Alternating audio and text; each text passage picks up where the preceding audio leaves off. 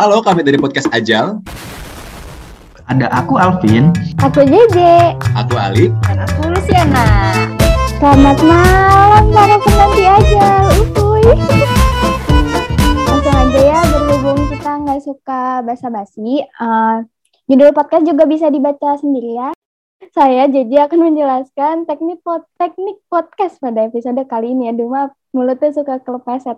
Nah, podcast kali ini dibungkus dengan diskusi. Ayo diskusi. Antara aku, JJ, Mbak Uci, Mas Kang Alpin, dan Alip. Nah, jalannya diskusi ini akan mengacu pada lima pertanyaan. Nah, pertanyaan-pertanyaan ini bisa dibilang jadi kayak topik pemantik diskusi gitu. Nanti masing-masing pertanyaan dipandu oleh kita berempat, nanti ganti-gantian cosplay jadi moderator. Untuk pertanyaan pertama dipandu oleh Alip.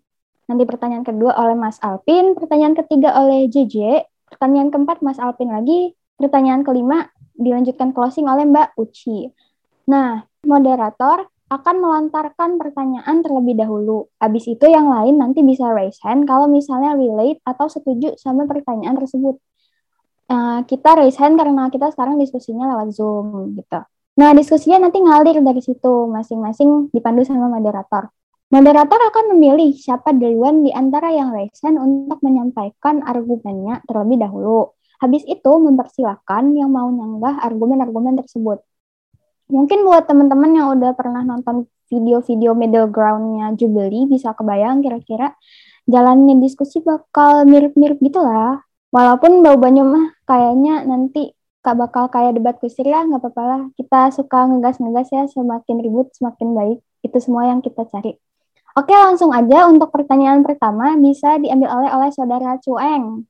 The floor is yours. Oke, makasih JJ. Nah, eh, malam-malam hari ini uh, aku akan nemenin teman-teman semua nih untuk uh, kita akan ke podcast nih.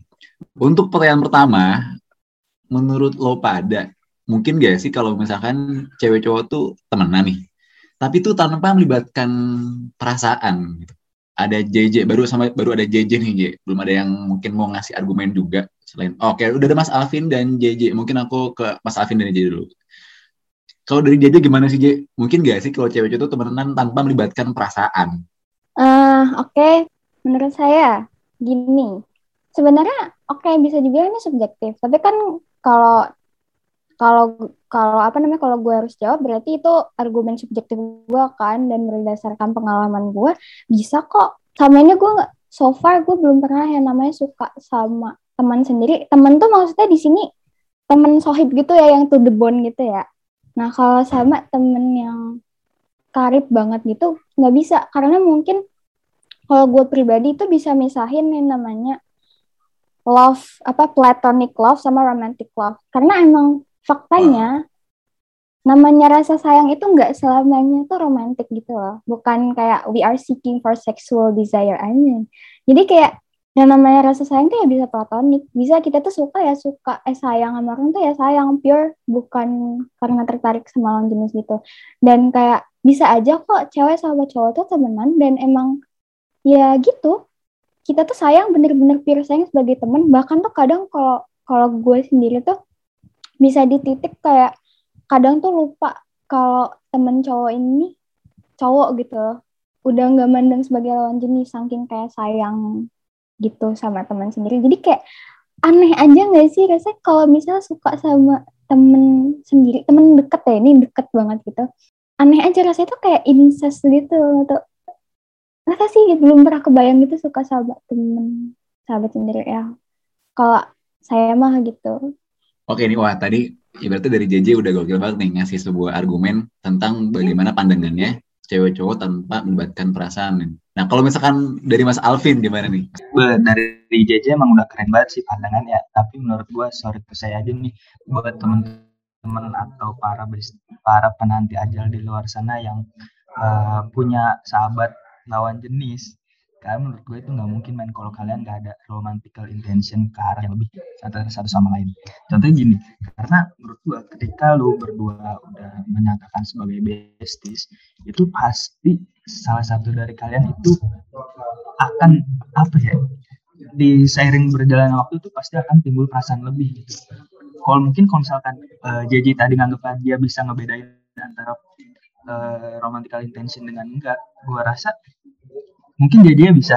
Tapi mungkin cowoknya nggak bisa. Jadi bisa jadi si cowok itu yang naruh perasaan ke JJ karena gue pernah punya pengalaman di kedua belah pihak gitu. Maksudnya gue pernah punya pengalaman di guanya yang suka sama seseorang dan sebaliknya seseorang itu yang suka sama gue gitu. Tapi uh, itu ya balik lagi. Uh, kita emang harus ngasih boundaries atau ketegasan sih antara satu sama lain dan bahwa uh, kita tuh sahabatan aja nggak lebih gitu Oke, ini udah ada dua pendapat dan dua pandangan dari Mas Alvin dan juga JJ ini. Nah, kira-kira tadi udah ngeliat sih kalau misalkan Uci ini raise hand juga kan. Nah, kira-kira ada pandangan nggak dari uh, Uci ini? Sebenarnya di balik layar dari tadi gue ketawa-tawa karena lucu sih dua-duanya bertolak belakang banget ya. Tapi kalau kalau gue nih mikirnya sama Mas Alvin karena di balik lagi ya kata pepatah Jawa tuh cinta itu timbul karena seringnya kebersamaan bro. Jadi ketika Witing Kresno Galaran suku Kulino. Aduh kayaknya salah deh ucapannya deh. Pokoknya kayak gitu ya kurang lebih. Intinya oh, gitu. kalau menurut gua cewek cowok yang temenan berarti kan mereka memiliki intensitas entah itu komunikasi atau bertemu itu yang sering kan dibandingkan uh, ya cuman sekadar kenal aja gitu kan ya. Apalagi konteksnya teman deket gitu. Pasti ada besar kemungkinan salah satu atau keduanya tuh punya perasaan. Mungkin kita bisa tarik ke belakang ya definisi baper itu apa kan bawa perasaan. Nah, ada juga nih yang bapernya kayak sesaat aja kayak misalnya eh kok dia baik ya sama gue gitu. Kita tahu kita temenan, eh kok dia baik ya sama gue. Itu kan berarti kayak udah baper gitu nggak sih? Maksudnya kayak udah mikir dia baik sama gue, berarti perasaan kita udah main kan anjay. Pernah lah, entah itu sesaat atau mungkin selamanya dia memendam perasaan itu, kayaknya sih pasti antara mereka berdua atau salah satunya pasti baper sih. Nih, nih, nih, berarti udah ada tiga, tiga pandangan juga nih dari uh, teman-teman semua Pak Tapi uh, gue mau juga mau nanya satu pertanyaan lagi nih. Uh, harus ada nggak sih boundaries dalam pertemanan cewek cowok ini? Baik dalam komunikasi atau enggak intensitas curhat. Dan mungkin bagaimana ngetrit dan mengekspresikan perasaan ke teman tuh kayak gimana gitu? Menurut kalian semua nih. Ini Uci nih, Uci masih raise hand nih, silakan Ci. Menurut yeah. sih sebenarnya tergantung ya, tergantung kita nih tipe orang yang kayak gimana. Apakah kita bisa mengendalikan perasaan kita? Apakah kita bisa lebih memenangkan logika kita daripada hati kita? Kalau misal kita bisa nih mengendalikan si perasaan, ya nggak apa-apa. Kalau bisa nggak perlu ada boundaries kayak tadi Jaja bilang, ya temen eh temen deket tuh kayak yang udah ya udah deket banget gitu yang kayak nggak mungkin bisa suka gitu kan jadi kan ibaratnya itu logika dia lebih main kan berarti ya udah lanjutin aja pertemanan si cewek cowok ini. Tapi kalau misalnya lu tipe orang yang beneran perasaan lu tuh maju paling depan berarti kan lu bakal sakit ya asik. Sakit kalau kayak nahan perasaan itu terus-terusan berteman sama dia dengan intensitas yang sering komunikasi yang sering menurut gue harus ada batasan. Oke deh kita sebatas temen yang kenal aja jangan sampai deket kayak dulu lagi. Karena kalau misalnya dipertahanin ya lu bakal sakit sendiri gitu jadi lihat dulu nih lu tuh tipe orang kayak gimana karena kalau gue gue lebih bisa pakai logika bro jadi kayak gue bisa mengendalikan itu Oke, tadi ada argumen dari Lucia, Luciana Logis Anjayani ya. nah, uh, tapi juga tadi ketika Uci ngasih argumen, ada ban, uh, argumen lagi nih dari JJ udah raise hand nanti sama Mas Alvin. Silakan J. Kira-kira ada argumen apa nih untuk nembalin uh, argumennya Uci? Harus ada boundaries. Nggak boundaries tuh kalau yang gue tangkap sih lebih ke kayak intensitas curhat gitu misalnya. Atau kayak apa ya cara kita mengekspresikan rasa apa ya ekspresifnya tuh harus yang kayak gimana? Bentuk afeksinya harus kayak gimana? Menurut gue sih itu tuh lebih ke kayak bukan cuma dari kita tapi kita nyesuaiin sama orangnya juga. Kayak misalnya nih kan gue ekspresif banget. Jadi jujur so far gue tuh kayak gue selalu nanya dulu sama teman-teman gue nih gue tuh orangnya kayak gini gue ekspresif. Gue kalau gue kangen gue bilang kangen. Gue nyaman nggak? Gue bisa kayak gitu. Jadi gue perlu saya nyesuaiin juga. Jadi kalau misalnya orang itu nggak bisa nyesuaiin sama gue gue yang nyesuaiin sama mereka. Setting boundaries tuh perlu sih dan itu konteksnya ke mana aja sebenarnya termasuk ya kayak gini gitu. Termasuk ke cewek sama cowok. Apalagi kayak kalau gue pribadi namanya ya kalau mau nyakupatin sama agama ya adalah boundaries juga. Ya banyak lah pertimbangan gitu Oke, nih tadi jawaban yang bagus banget dari Uci sama JJ. untuk pertanyaannya Alip sekarang giliran gue nanya sama kalian semua nih ya pernah nggak cinlok sama teman satu organisasi atau kepanitiaan ada yang mau cerita ada yang mau sharing nih JJ kelihatan kamu si Ah. cinlok Eh apaan sih nggak jelas. pernah nggak cinlok sama teman satu organisasi? Pernah.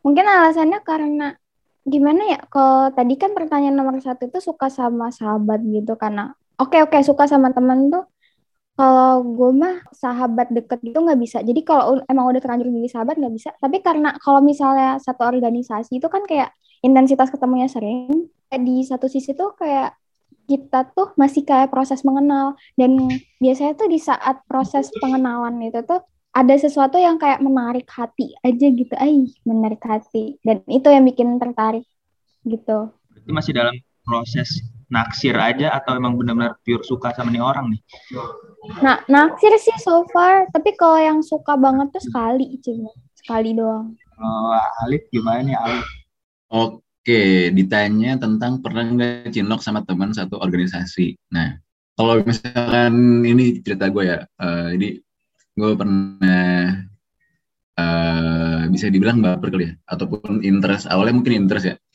interest dengan teman satu organisasi, terutama teman sebenarnya nggak sedepartemen sih, lebih ke satu himpunan lah.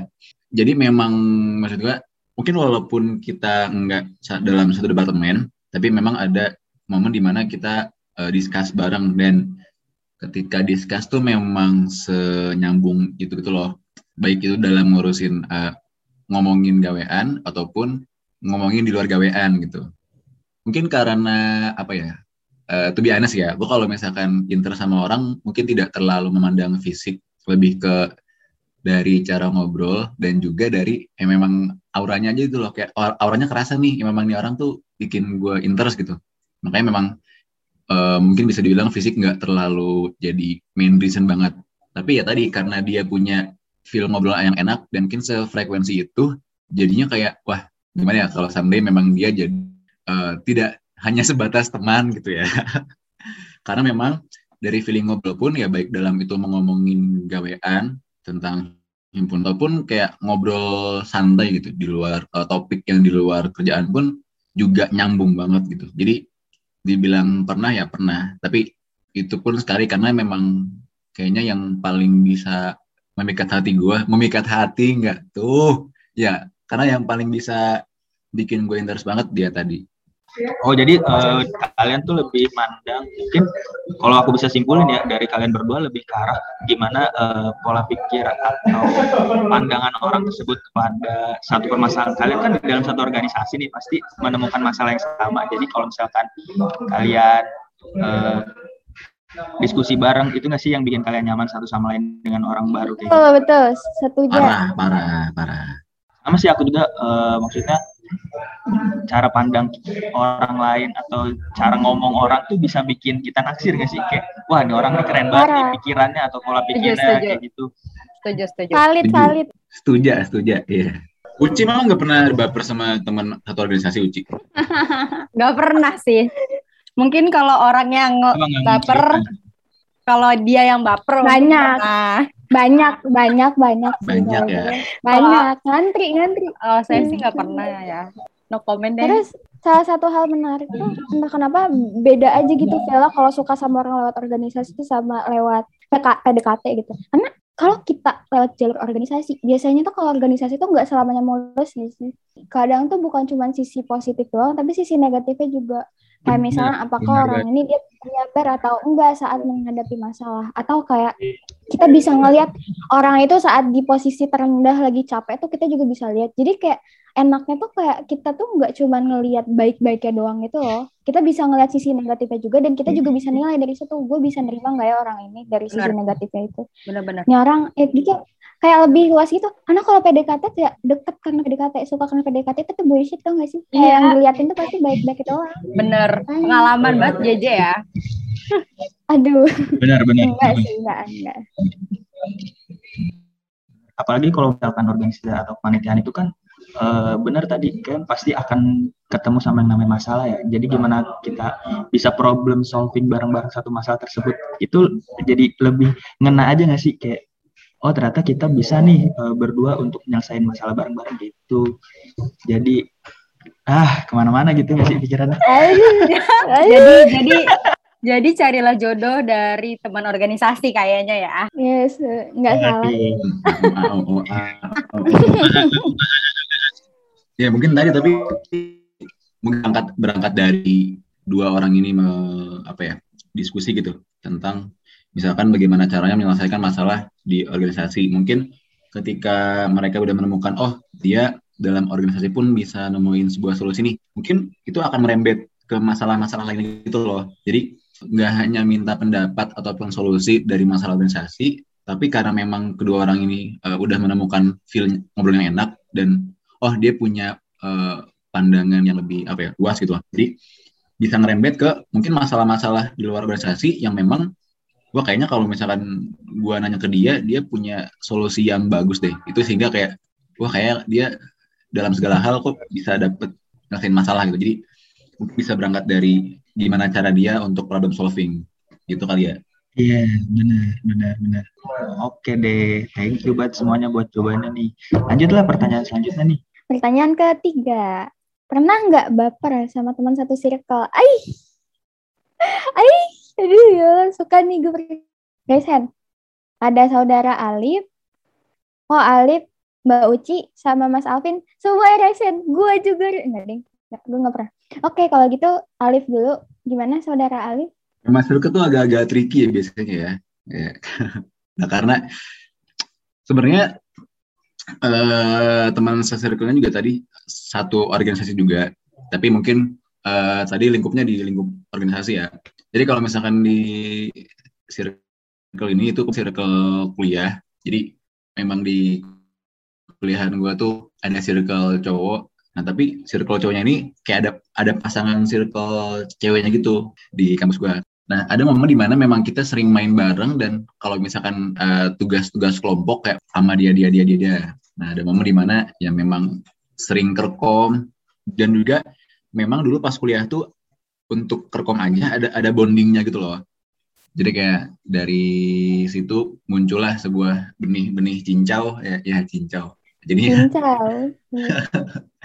Jadinya karena tadi karena dari masalah organisasi pun bisa di apa ya, bisa nyaman ngobrolnya dan ditambah lagi sesirkel gitu. Yang notabene-nya mungkin bisa lebih banyak ngobrolin hal-hal di luar organisasi gitu Dan memang ya dulu mungkin apa ya, secuil apa ya, secuil nyari afeksi juga. Jadi kayak mungkin dia orang yang tepat. Jadi kalau misalnya ditanya pernah baper sama teman circle pernah. Kayak gue baper mulu ya orangnya. Ya. emang gak pakai logika apa ya? Kayak Uci kali ya? Iya. Iya. Lip Alif feeling Hidayati yo uh, berikan Uci Oke, setelah sharing ya, sharing pengalaman dan pandangan mengenai pertanyaan ini, kalau misalnya Mas Alvin gimana nih? Kita ke cowok-cowok dulu. Kalau dari gue, gue jujur aja pernah pernah baper sama teman satu circle. Oh. Cuman uh, cuman balik lagi sebenarnya menurut gue ya part of the problem dari baper dalam satu circle adalah gimana lu uh, lebih mentingin pertemanan lu atau lebih mentingin perasaan lu ya gak sih maksudnya lu pasti akan memilih nih lu takut ketika lu uh, mementingkan perasaan lu dan lain sebagainya mungkin lu akan merusak pertemanan satu circle lu itu gitu tak nah sebaliknya juga ketika lu mungkin lu lebih mentingin perasaan satu circle bukan perasaan satu circle maksudnya lebih mementingkan pertemanan lu tapi lu harus mengorbankan perasaan lu. Kayak menurut gue itu salah satu problema juga sih ketika lu baper atau lu suka dalam tanda kutip kepada satu circle. Kayak gitu sih. Jadi dilematis juga kalau ini suka sama satu circle dilemanya itu karena kalau yang namanya udah satu circle itu bukan cuma aku dan kamu tapi udah kita gitu. Ay ay iya alas ya boy. Nah oke okay, kalau mas Alvin kayak gitu kalau mbak Uci gimana mbak Uci? Sebenarnya kalau di dibaca lagi ya bener ya maksudnya organisasi itu termasuk circle juga kan. Cuman kalau spesifik organisasi tadi balik lagi aku enggak. Cuman kalau circle main circle main sih pernah sih. Cuman ya balik lagi ya eh, nggak uh, ada yang sampai problematik banget. Maksudnya yang kayak aduh gue galau nih apakah gue harus uh, ngaku misalnya? Pokoknya mempermasalahkan si feeling itu kayaknya tuh nggak pernah yang sampai separah itu. Jadi kayak yang aduh gue baper ya. Balik lagi tadi kayak cuma sesaat. Tapi pernah. Bahkan kayaknya sering deh maksudnya aduh kok dia gini ya? Kok dia baik banget ya? Kayak gitu.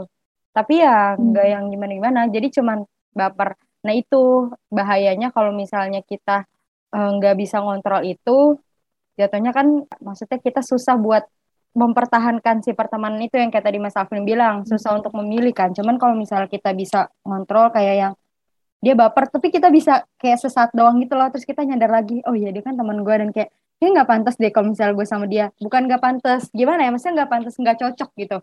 Kita cocok cuman karena sebagai teman aja. Kayaknya kalau untuk nanti ke depannya entah itu jadi pasangan atau ya nikah gitu kayaknya nggak cocok gitu. Jadi sampai segitu aja yang kayak cuman ih kok dia baik? Terus kok dia perhatian sih? kayak gitu. Kalau misalnya dari yang lain ada ada sanggahan lagi nggak kira-kira? Kalau Mbak Uci lu kenapa lu bisa berpikir lu udah berpikir jauh kalau lu tuh nggak cocok sama dia gitu? Apa nah. alasan yang uh, lu lu udah ibaratnya lu udah mundur sebelum berperang men? Es. Ya itu balik lagi. Gue itu bisa dibilang sebagai pengamat ya. Maksudnya ngelihat orang tuh beneran kayak menganalisis nih orang tuh kayak gimana gitu kan. Jadi kayak gue lihat maksudnya hal sekecil apa pun yang orang lain lakukan entah itu temen cewek atau temen cowok dia kayaknya orangnya kalau lagi emosi kayak gini deh. Maksudnya udah kelihatan gitu atau kayak saat kita diskusi kok ini ada poin yang gak cocok ya? Kayak gitu. Jadi sebenarnya itu sebagai boundaries juga kali ya untuk diri sendiri. Kayak oh dengan kita ada poin yang gak cocok berarti emang kita sebenarnya nggak bisa nih buat ke depannya jadi ya udah walaupun gue baper pada saat itu gue yakin kok kita nggak akan bisa sama dia gitu. Ngerti gak sih? Jadi itu bukan suatu masalah ketika gue baper gitu. Karena ya oh ya kayak gue nggak bisa gitu. Gimana Alif? Ada masalah hmm Alif gimana? Kalau misalkan uh, tadi Uci mungkin mention lebih ke apa ya? Pada akhirnya di tengah jalan akan ada sebuah uh, boundaries yang muncul sendirinya kan. Mungkin juga baik lagi ke karakter orang-orang ya. Mungkin karena Uci memang uh, lebih pribadi yang uh, pengamat. Jadi mungkin ketika ada perasaan baper oh kira-kira apakah ibaratnya apakah sesuai dengan value yang gue punya gitu loh. Nah tapi kalau misalkan gue sendiri pun kayak sebenarnya tadi sih walaupun gue baper sama temen satu circle gue sendiri ya dan juga pada akhirnya ya tadi kayak lama kelamaan kita juga akan menemukan sebuah jawaban gitu loh kayak apakah dia memang pantas buat gue ataupun cocok buat gue? Apakah dia se senyambung itu gitu loh? Karena kan mungkin hmm. ketika di awal kita hanya melihat sebuah apa ya karakter dia yang masih belum mendalam gitu. Ketika makin lama makin lama kayak karakter aslinya cuek atau gimana. Itu kan juga tadi sih bisa jadi sebuah boundaries yang muncul di tengah-tengah kayak oh karena memang dia orangnya gini dan kayaknya nggak sesuai value sama gua jadi kayaknya ya udah mengansen perasaan tadi karena memang yeah. tidak sesuai dengan value yang yeah. diri gue punya gitu misalkan. Iya, nambahin dikit sih. Jadi emang benar maksudnya Pak uh, mungkin gue sama Alif setipe ya kita ketika baper nih sama teman satu circle kita kayak apa menyaring kayaknya ya menyaring sih perasaan itu kayak bisa nggak ya gitu kita jadi nggak larut dalam si perasaan itu kan mungkin ada orang-orang yang kayak aduh gue baper sama dia nih. Aduh gue nggak bisa gue galau. Dia tuh temen gue. Kayak gitu kan berarti kan terbawa sama perasaannya dia kan. Sedangkan kalau kita tipe yang kita menyaring dulu nih si perasaan ini gitu. Dan pada akhirnya ya kita berhasil keluar dari perasaan baper itu dan kita menjalani pertemanan kita gitu nggak sih? Iya parah parah. Jadi mungkin lebih ke preventif kali ya, preventif untuk kira-kira gue sejauh mana sih baper sama dia. Tapi itu baik lagi. Balik lagi ke karakter orang-orang. Apakah semua orang bisa punya preventif seperti kita gitu. Karena mungkin tidak semua orang yang ada misalkan kayak orang yang punya porsi feelingnya gede banget, jadi dia mengenyampingkan sisi logisnya dia juga mungkin ada. Jadi ketika dia sekali baper udah sebaper itu tanpa mempertimbangkan worst case yang akan terjadi. Iya benar-benar. Tapi gue juga kadang ini sih mungkin kan itu lebih ke kita yang agak-agak picky ya, kayaknya dia nggak suka deh, uh, ataupun mungkin ada karakter dia yang nggak sejalan sama gue. Tapi pada, pada akhirnya kan kan cinta tentang sebuah penerimaan gak sih dan pemakluman. Iya. Gue setuju sih. Ketika lo nyariin sempurna lo akan kehilangan yang terbaik.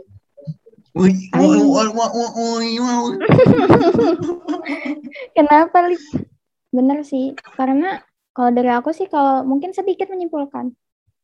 Dengar tadi pendapat dari teman-teman yang lain, wajar sih kalau misalnya bisa baper sama teman satu circle. Namanya juga apa ya? Bedanya tadi sama organisasi tadi kan.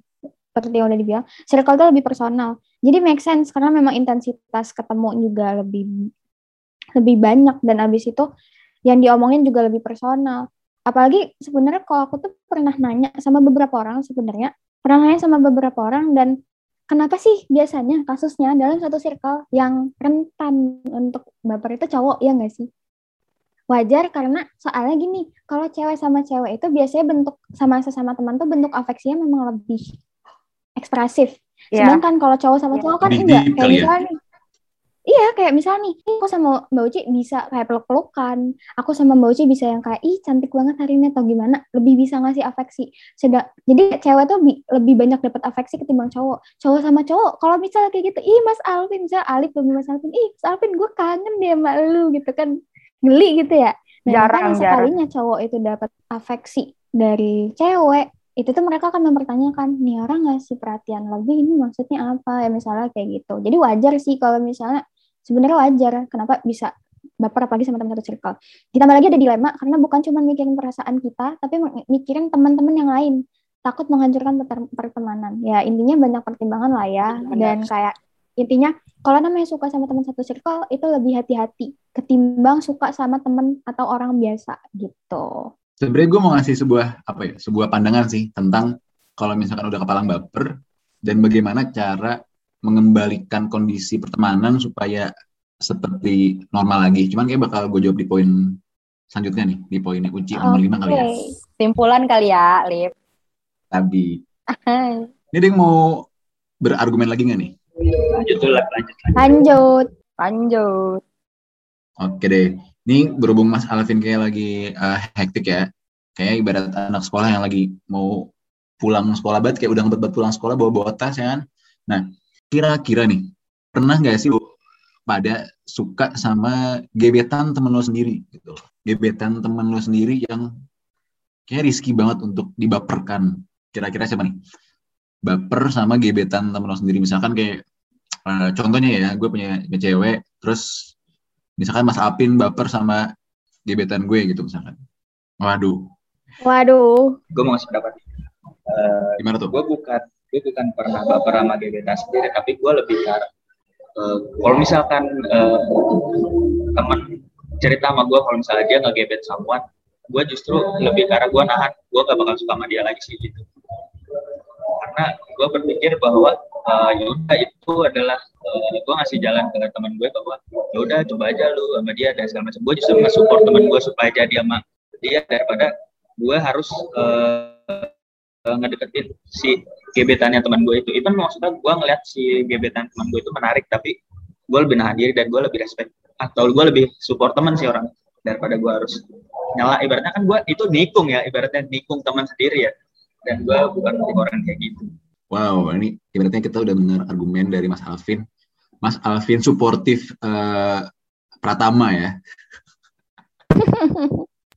udah dapat julukan gue ya. tapi tapi ya sih, gue juga mau nambahin dikit ya. Jadi ini kejadian waktu gue SMA juga.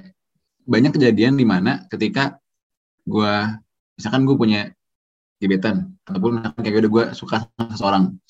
Tapi ketika gue tahu ketika gue tahu ternyata orang yang gue suka ini udah suka duluan sama orang gue tipe orang yang akan oke okay deh gue mundur. Daripada gue harus kehilangan teman gue gitu. Karena gue tahu misalkan gue baper sama nih cewek tapi ternyata cewek ini baper sama teman gue sendiri kayak ya Allah. Jadi kayak udahlah daripada uh, eh, gue mengorbankan pertemanan gue ya ya udahlah at least gue lebih sering mundur. Dan ini terjadi dua sampai tiga kali dan gue percaya sih pada akhirnya ketika lo bisa apa ya ya udah lo daripada daripada lo mengorbankan pertemanan lo sendiri someday lo akan dapat orang yang lo nggak usah ngalah lagi gitu loh untuk bisa diserve sama dia kayak gitu Idi. Oke udah ada Uci gimana Ci? Lu udah reaksi Ci? Ibaratnya tadi Alip ada 7 miliar orang ya Alip ya. Jadi ngapain gitu buat kayak rebutan gitu ya. Nah, jadi justru kasusnya kebalik. Kalau jadi gue suka sama si X nih. Nah, gue tuh nggak cerita ke teman gue ini kalau gue suka sama si X. ternyata lambat laun tiba-tiba temen gue ini curhat kalau dia itu suka sama si X wah kacau dong kayak ah, gimana nih kayak kayak itu baru pertama kejadian sih di hidup gue kalau ternyata kita suka sama orang yang sama di situ posisinya gue mundur karena ya balik lagi gue kayak lebih men, lebih memilih teman lah daripada uh, cowok yang gue suka gitu ya. Karena sangat disayangkan sih kalau misalnya temen kita temenan tapi kita saingan untuk memperebutkan satu cowok gitu kayaknya hmm, enggak sih. Jadi ya udah mendingan ngalah. Ya, tapi ya, ya ya gitu sih. I know what you feel karena nggak tahu sih ya apakah balik lagi ke prinsip gue. Karena sebenarnya ketika lu mau nyari mungkin uh, gue nih ketika lu mau nyari pasangan seperfect apa pun nggak bakal ketemu dan pada akhirnya pasti lu akan menjumpai kelebihan dan kekurangan yang berbeda di diri di setiap seseorang gitu loh. Dan tadi kayak maksudnya setiap sebuah hubungan pasti akan ada namanya penerimaan dan pemakluman dan itu pun akan terjadi di semua hubungan. Jadi ketika lo nggak sebenarnya ketika lo nggak dapet cowok misalkan sih kayak lo lo nggak dapet cowok yang lo pengen ya mungkin ya itu antara ada yang lebih baik atau memang lu bisa dapat orang yang lebih deserve buat lu gitu karena memang pada akhirnya juga akan menerima orang itu apa adanya dan itu bukan akan terjadi di setiap orang ya benar setuju manusia ada banyak ada tujuh miliar anggap aja kalau misalnya agak susah untuk ngerelain deh anggap aja kalau kita sekarang move on tuh ya udah kita akan lebih cepat bertemu dengan pangeran atau putri-putri yang sudah menanti kita di masa depan nanti. Aduh. Aduh. Nah, jadi kalau misalkan yang gue simpulin kali ya, ketika kita baper sama gebetan teman sendiri, mungkin akan dihadapkan dengan sebuah kondisi di mana lo milih teman atau gebetan gitu loh. Atau atau hmm. pasangan lo lah orang yang lo suka. Tapi pada akhirnya juga balik lagi ke diri kita sendiri, kita akan menanggung resiko, baik itu resiko untuk patah hati karena kita mengorbankan orang yang kita suka ke teman kita sendiri, tapi dengan dengan balasan kita masih bisa keep in touch dengan baik sama teman kita nih, walaupun memang hmm. akan sakit, tapi atau lu akan menanggung resiko lu milih gebetan tapi lu kehilangan teman lu yang kita pun nggak tahu nih ketika kita milih gebetan kita akan bertahan seberapa lama dengan gebetan kita. Hmm ya mungkin notabene ketika kita milih teman kita mungkin akan long lasting itu loh kita punya yeah. sebuah hubungan yang long term karena memang konteksnya temenan gitu makanya ketika yeah. ada di kondisi ini lebih ke kalian akan memilih resiko menanggung resiko yang mana gitu loh. Milih teman atau gebetan. Karena beda-beda tipis sih. Ketika kalian milih teman ya itu untuk long term. Tapi belum tentu ketika milih gebetan akan selong term ketika kalian milih teman. Hmm. gitu sih. Nah, tadi udah seru banget sih bahasan kita dari tadi. Dan pasti gue yakin teman-teman yang ngedenger ini juga kayak iya gue banget nih gitu. Enggak, gue nggak kayak gitu. Pasti ada nih yang setuju dan ada juga yang berbeda dari pendapatnya. Nah, sama kita juga sebenarnya apa ya? Uh, mirip-mirip lah, cuman dari pengalaman kita ada hal-hal yang membuat kita ini berbeda gitu ya. Iyalah kan satu dua orang aja tuh pasti beda apalagi ini berempat gitu kan dan insya Allah nih kita nih dua cewek dua cewek nih sudah mewakili rakyat Indonesia remaja udah udah udah 70 juta rakyat ya, Indonesia udah. Iya udah insya Allah ya. Nah sekarang pertanyaan terakhir yang mungkin sebenarnya kita udah jawab udah apa ya berargumen tapi kayaknya perlu penegasan nih. Dari kita nih sebenarnya kalau misalnya udah pada baper nih atau mungkin baper di sini tuh yang kayak beneran udah suka udah menaruh hati nih gitu kan istilahnya udah terjebur nih. Nah itu tuh apa sih? Kalian tuh yang hard feeling atau yang ya udah sih santai aja gitu. Maksudnya yang hard feeling tuh mungkin yang kayak apakah gue harus confess gitu atau gue harus gimana atau yang kayak ya udahlah biasa aja enjoy aja gue sebagai temen dia. Tapi sebenarnya gue tuh baper gue tuh ada perasaan lain nih sama dia gitu. Kalian tipe yang mana sih guys? Nah JJ dulu nih yang kayaknya udah punya jawabannya nih. Saya sih tipe yang jalanin aja ya. Saya tuh nggak suka pusing-pusing dan aku tuh tipikal yang kalau ada perasaan yang muncul ya udah nggak mau menampik perasaan itu gitu. Jadi kayak hidup tuh dinamis. Kadang tuh status tuh berubah. Yang jadi temen bisa. Temen banget. Nanti bisa. Bukan temen alias lebih dari temen. Bisa. Kayak kayak apa ya? Intinya mah berani ambil resiko dan bisa lihat kondisi gitu. Bisa baca kondisi. Lebih baik yang mana? Kira-kira hati membawa ke mana gitu. Kayak jadi kalau aku sih misal aku suka sama orang walaupun sama teman walaupun so far belum pernah sih suka sama sahabat gitu jadi sama ini kalau suka suka aja udah jalanin aja gitu nggak pernah sih kayak ah mundur ah dia teman gue gitu nggak karena yang namanya perasaan itu fitrah dan ya udah jalanin aja guys enjoy ya jadi Gitu. biarkan dia Enjoy. mengalir Chill. biarkan dia mengalir karena ya itu ya tadi hidup itu dinamis jadi Iya. ya kita bisa lama-lama memudar si perasaan itu atau Mm-mm, ya bener. maksudnya gimana nanti gitu ya. Mm-mm. ikutin alurnya. Nah ini nih Mas Alfi nih gimana coba? Sama sih kayak JJ ya soalnya bukan tipe orang yang suka apa namanya kayak kan dia langsung confess dan segala macam. Dan benar juga kata JJ kayak perasaan tuh dinamis gak sih? Maksudnya kayak hari ini Oh. bisa suka terus besoknya juga nggak suka lagi terus besok lagi jadi suka lagi apa ya kayak terus menurut gue ya menurut gue tuh rasa suka tuh bukan sesuatu yang bisa diubah dalam satu hari atau satu momen gitu tapi scaling gitu dalam arti eh, sukanya tuh bisa nambah pelan-pelan pelan-pelan atau nggak suka juga pelan-pelan nurun-nurun dan segala macam jadi bukan kayak Hmm. gue suka sama orang nih hari itu langsung tek tiba-tiba suka kayak gitu bukan tipe kayak gitu gue jadi kayak waiting tresno jalaran suku kulino tuh ada benernya juga eh Hai. kayak gitu terus Eh, Putri Handayani. iya kan Eh, eh. Heeh. tutorial Dani ya sama setuju sama-sama Iya. ikutin alurnya aja nih gimana perjalanan cerita pertemanan dan percintaannya mungkin secara bersamaan ya nah kalau di Alif betul Oke. Hmm. Tadi ngomong-ngomong tentang kalau misalkan udah baper itu bakal ada hard feeling atau misalkan nyans. Nah, jadi sebelum lebih dalam, gue akan cerita sedikit. Jadi kan kalau tadi gue mention kalau misalkan gue juga sempet baper sama teman sesirkel sendiri ya. Dan itu sebenarnya udah di tahap sebenarnya udah di tahap kita yang udah deket tinggalnya ibaratnya udah udah deket nih dan hanya butuh keputusan nih ibaratnya ini lanjut sebagai teman atau lebih dari teman gitu ya.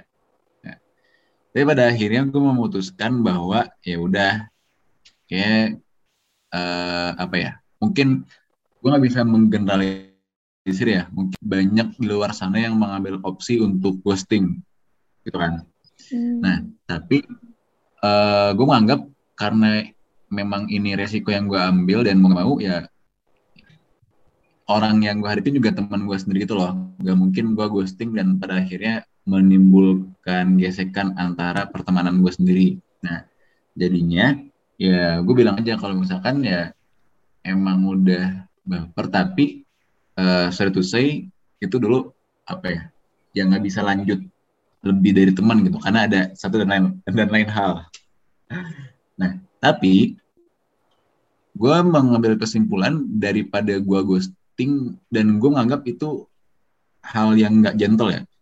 Ya, gue mengambil opsi, ya gue bilang kalau misalkan sorry gue nggak bisa lanjut lebih dari teman ini, walaupun mungkin dia apa ya mempertanyakan nih ini kita apa sih gitu loh. Tapi gue bilang kalau misalkan kita nggak bisa lanjut lebih dari ini gitu dan itu ada hard feeling gue akuin ada hard feeling cuman dua minggu gitu ya hard feeling cuman dua minggu tapi pada akhirnya gue sama dia sepakat kalau misalkan ya udah eh, beres hard feeling ini kalau misalkan kedua belah pihak udah sama-sama ngerasa plong dan oke nih udah bisa menetralkan kembali perasaan itu temenan lagi. Dan itu terjadi kayak ya walaupun teman sesirkel ini gue pernah saling baper tapi pada akhirnya ya kita apa ya sama-sama ngambil konsekuensinya kalau misalkan oke yang udah lewat ya udah lewat. Jadi walaupun ada hard feeling tapi at the end ya tetap nyans lagi sebagai teman biasa. Bahkan juga lebih apa ya lebih deket gitu loh. Lebih deket dalam konteks temen ya gitu loh. Jadinya Hmm. gue menganggap bahwa mungkin akan ada momen di mana hard feeling itu wajar kali ya.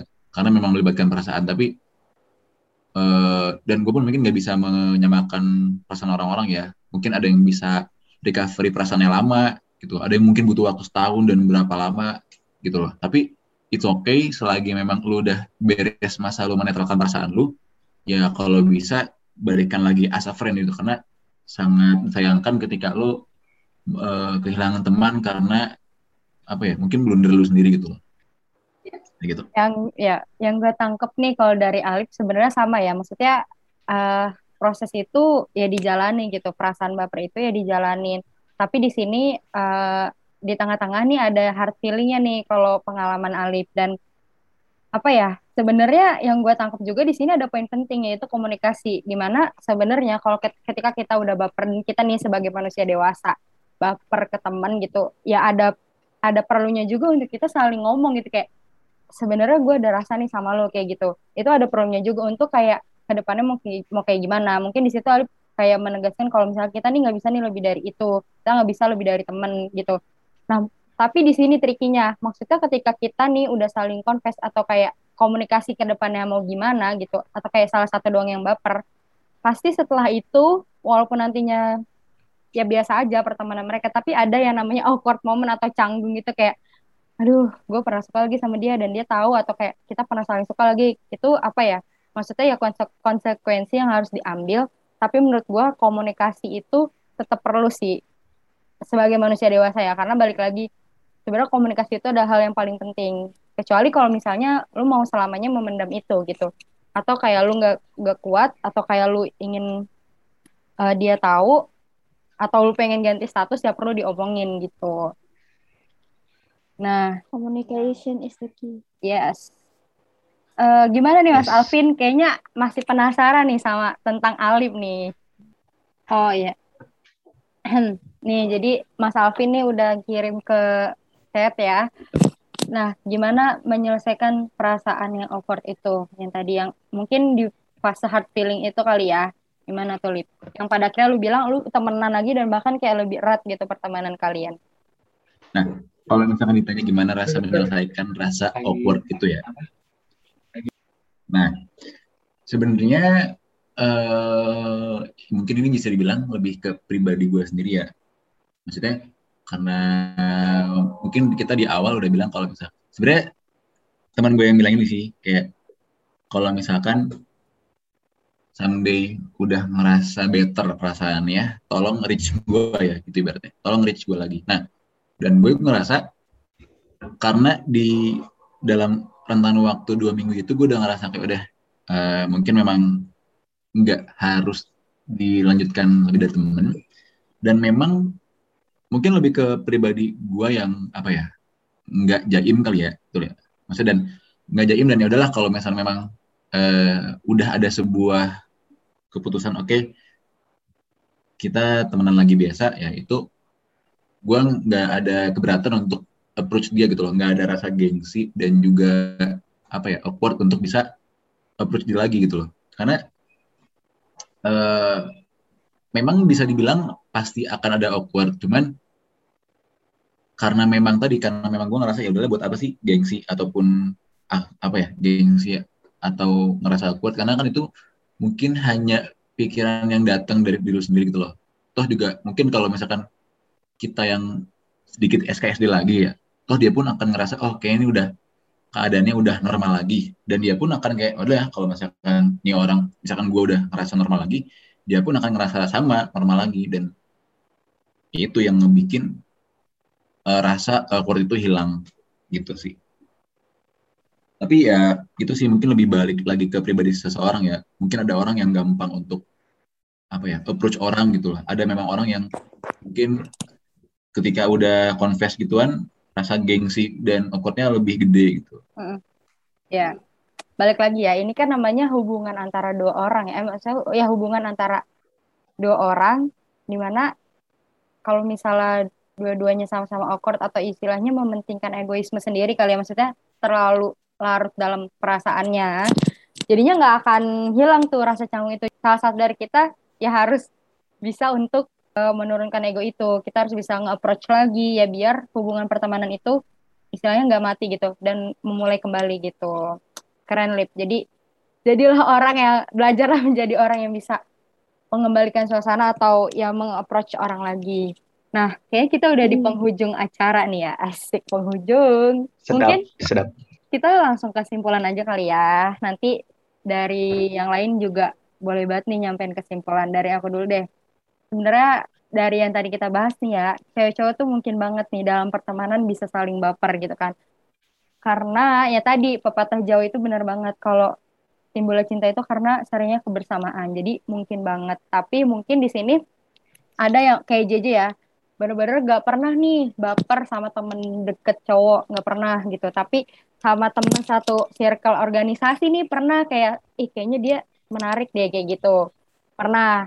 Nah, ada juga yang kayak uh, Mas Alvin mungkin yang beneran kayak udah jatuh perasaannya ke teman satu circle nih teman main gitu kan dan sebenarnya kita itu perlu yang namanya batasan tadi bener kata JJ mau itu dalam hubungan apa pun deh cewek cowok atau hubungan kolega kerja gitu kita harus tetap ada uh, batasan itu karena kalau kita terlalu larut nih sama satu orang atau terlalu larut sama satu hubungan ya itu bisa jadi toksik sebenarnya ya asik toksik jadi perlu ada batasan. Nah, pun kalau tadi aku bilang nih, uh, gue bisa memenangkan perasaan gue, gue bisa lebih memenangkan logika gue daripada perasaan.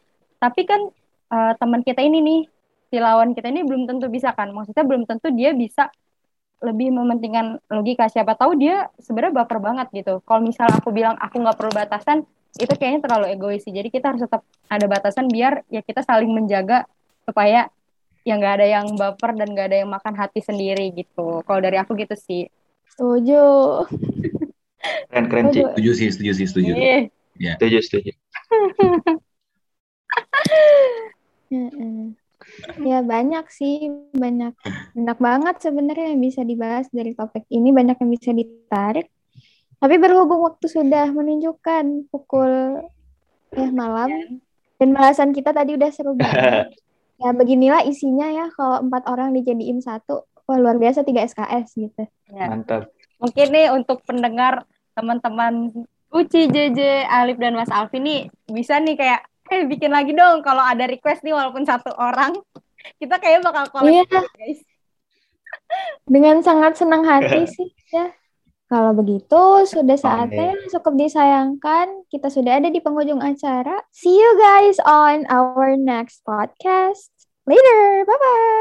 Bye. Bye, thank you semua. Thank thank you.